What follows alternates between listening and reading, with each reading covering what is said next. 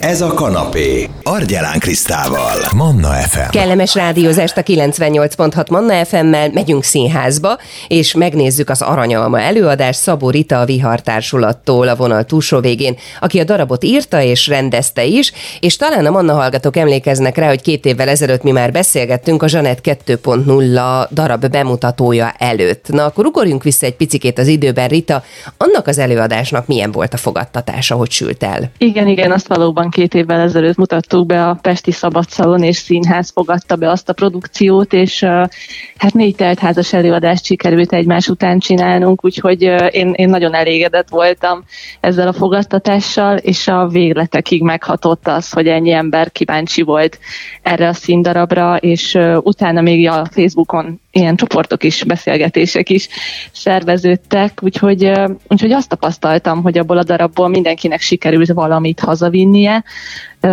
mindenkiben ébresztett valamilyen gondolatot, esetleg kérdéseket, és ez, ezek remek, remek apropót és témát nyújtottak a későbbi diskurzusokhoz. Úgyhogy, úgyhogy én személy szerint nagyon-nagyon elégedett voltam vele. Én úgy láttam, hogy a többiek is nagyon élvezték, mind a próbákat, mind pedig az előadást.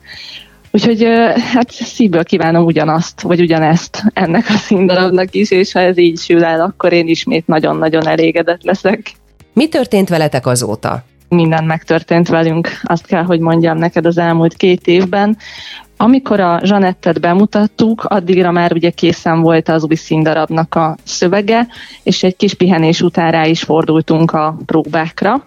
Ugye ez 2021 tele volt, amikor mi elkezdtük próbálni a darabot, és gyakorlatilag tavaly ilyenkor már majdnem teljesen készen is állt, már a, a bemutatóra készülhettünk, készülhettünk tavaly ilyenkor, amikor hát sajnos történt egy tragikus esemény, és a rendezőnk váratlanul elhunyt tavaly decemberben, ami, ami szörnyű traumaként és szörnyű sokként érte a, a társulatot, mind szakmailag, mind pedig emberileg. Ugye nagyon-nagyon közel álltunk hozzá, nagyon jó barátok voltunk, és hát hosszú-hosszú hónapoknak kellett ahhoz eltelnie, hogy ebből, ebből mindenki felúcsúdjon.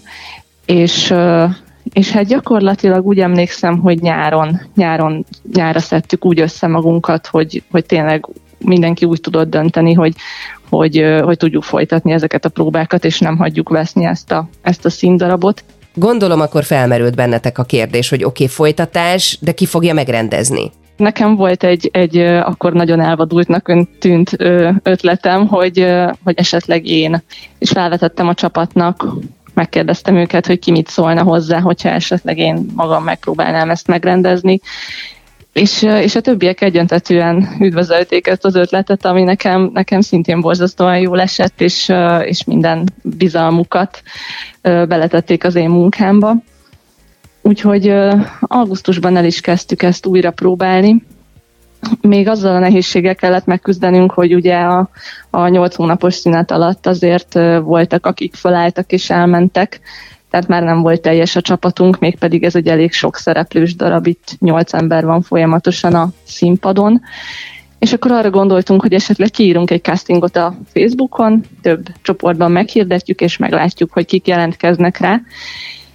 És és hát azt kell mondjam, hogy ez is nagyon-nagyon szerencsésen alakult, mert a casting során két nagyon-nagyon tehetséges új taggal tudott bővülni a csapat, úgyhogy augusztus végén már el is kezdtük újra próbálni az aranyalmát, és hát azóta is, azóta is minden héten próbálunk, és, és decemberben ugye be is fogjuk mutatni, úgyhogy nagyon izgatottak vagyunk.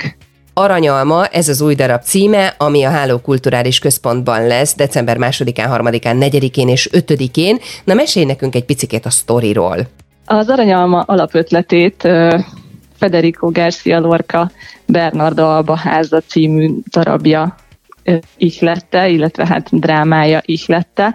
Ugye ez egy örök klasszikus, ezt a mai napig nagyon-nagyon sokan feldolgozzák, talán ezt nem is kell bemutatni, de gyakorlatilag ebből tényleg csak az ihletet tartottam meg, semmi többet, gyakorlatilag csak a, a családon belüli generációkon átívelő nők közti konfliktust és ugye ebbe, ebbe a, a témába hoztam bele a görög mitológiából ismert aranyalma történetét, ami ugye, ami ugye szintén nagyon ismert, itt a görög istennők egymással veszekednek, hogy vajon ki a legszebb, ugye miután Erisza a vissza istennője azzal szított köztük feszültséget, hogy begurította közéjük az aranyalmát, és ugye a, a görög mitológiai történet szerint itt Héra, Pallas Athéné és Afrodité veszekszik azon, hogy vajon kinek szánták az aranyalmát a legszebbnek felirattal, vagyis hogy ugye melyikük a, a legszebb. És, és hát ugye ez volt így a, a, az alap az alapötlet, az alapkoncepció. Ö, de hát, de hát ez így önmagában, ez így önmagában kevés lett volna, úgyhogy úgy döntöttem, hogy ezt az egészet egy abszolút modern környezetbe fogom beemelni egy szabaduló szobába. Tehát a görög mitológiából ismert esküvő, ugye Péleusz és Tétis esküvője helyett itt a, a darab színhelye egy szabaduló szoba, ahova Rea, a Titanis, ugye ha úgy tetszik, Héra anyukája, szervez egy családi programot abban a reményben, hogy a jelenlévők itt majd kibékülnek, ugye a közös munka összehozza a családtagjait.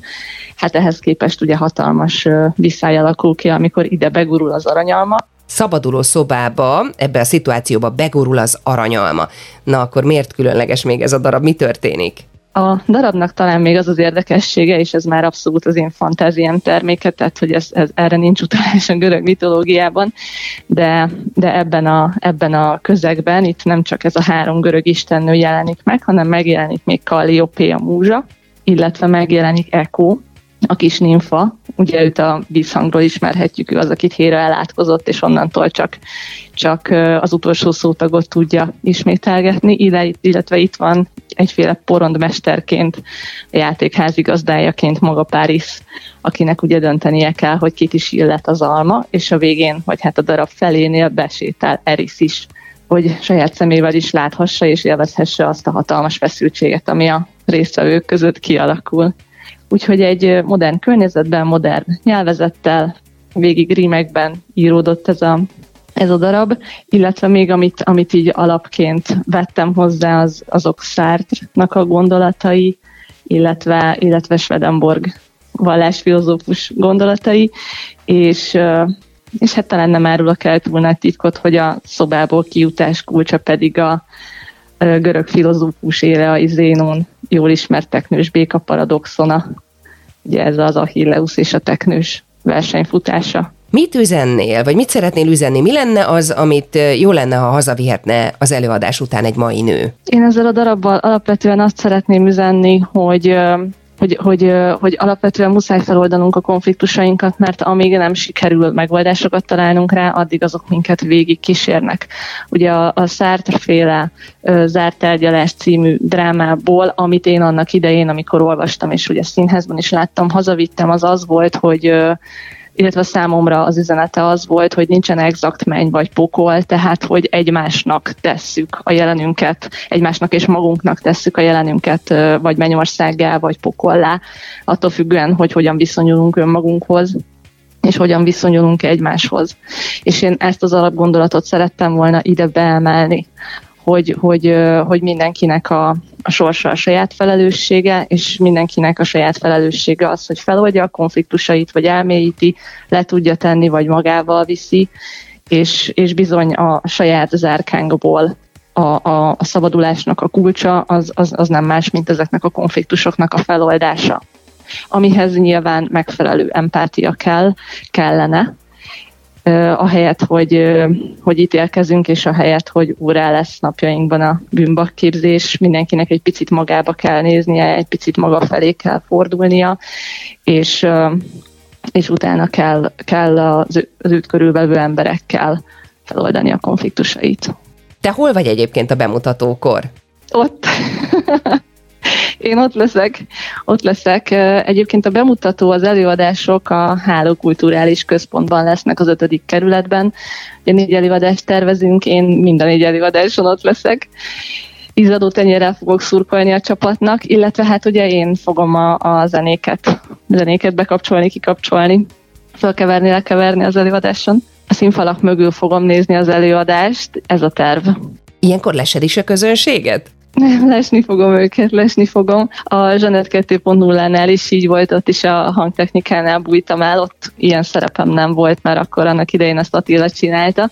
Rudas Attila ugye volt rendezőnk, de, de akkor is folyamatosan néztem, folyamatosan próbáltam a, a rezgéseket befogadni, és, és uh, tényleg egyfolytában arra fókuszáltam, hogy ül a poén, van-e morajlás, egymáshoz szólnak-e, reagálnak-e, és hát az, az, az tényleg egy fantasztikus érzés, amikor, amikor azt látod, hogy hát egyrészt, amit, amit leírtál egy, egy, egy Word dokumentumban, az ott megelevenedik három dimenzióban, megjelenik előtted, és annál azt gondolom, hogy csak az, az katartikusabb, hogyha, hogyha azt tapasztalod, hogy, hogy, hogy, hogy aki ezt befogadja, aki ott van, az erre valamilyen módon rezonál.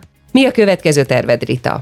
Hát a következő téma az még nagyon-nagyon félkész, de, de arra gondoltam, hogy hogy az öt platóni tökéletes test mentén szeretnék egy öt színből álló drámát írni. Csak hát ez egy elég nagy, elég nagy vállalás, úgy érzem és hát egyelőre ennek csak a fele van még kész, illetve ezt az öt szint majd öt különböző stílusban szeretném, öt teljesen különálló színként megírni, amik, amik tartalmukban és üzenetükben kapcsolódnak egymáshoz és összefüggenek. Gyorsan dolgozol egyébként? Említetted, hogy a fele van kész, akkor várható, hogy hamar elkészül a teljes darab? Igen, azt gondolom, de olyan nagyon furcsa, hogy valahol úgy érzem, hogy ez abszolút nem rajtam múlik.